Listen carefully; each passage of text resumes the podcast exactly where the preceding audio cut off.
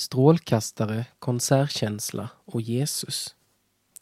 En artikel i serien Vad är det vi sjunger? av Daniel Hermansson. Hjärtats lovsång av Matt Redman. När musiken är slut och allting dör ut, ja, då kommer jag. Jag vill bara ge något värdefullt som välsignar dig. Jag vill ge mer än en sång, för en sång i sig själv är inte det du vill ha. Du söker djupt inom mig, bakom tankar och ord, in i mitt hjärta du ser. Jag vill tillbaka till hjärtats lovsång och den handlar om dig, bara om dig, Jesus. Förlåt mig för vad jag gjort den till när den handlar om dig, bara om dig, Jesus. Har du någon gång kommit på dig själv med att sjunga lovsång som om det vore vilken sång som helst?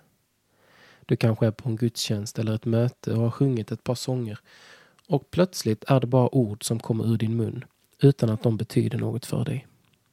Eller har du kanske någon gång blivit så tagen av hur duktiga musikerna i bandet är och av känslan som ett riktigt grymt stycke i sången väcker så att fokuset på Jesus egentligen helt försvunnit och istället ersatts av musikupplevelsen. Tillbaka till Jesus. Den här sången handlar om var vi har vårt fokus och vårt hjärta när vi sjunger.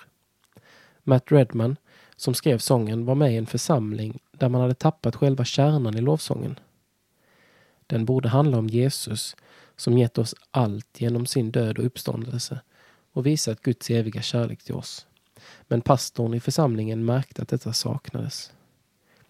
Man hade stora ljudsystem och ett riktigt skickligt band. Det måste inte vara fel, men här hade detta gjort lovsången till något annat än den var tänkt att vara. Pastorn beslutade därför att kasta ut ljudsystemet, skippa bandet och låta församlingen sjunga helt själva, a cappella. Detta blev en konkret uppmaning till att faktiskt låta sången handla om Jesus. När denna insikt hade fått sjunka in tog man tillbaka bandet och ljudsystemet. Insikt som väcker lovsång. Om dina tankar och ditt fokus inte handlar om Gud när du sjunger, utan du fastnat i något annat, får du be till Gud att han på nytt visar hur stor han är och hur mycket han älskar dig.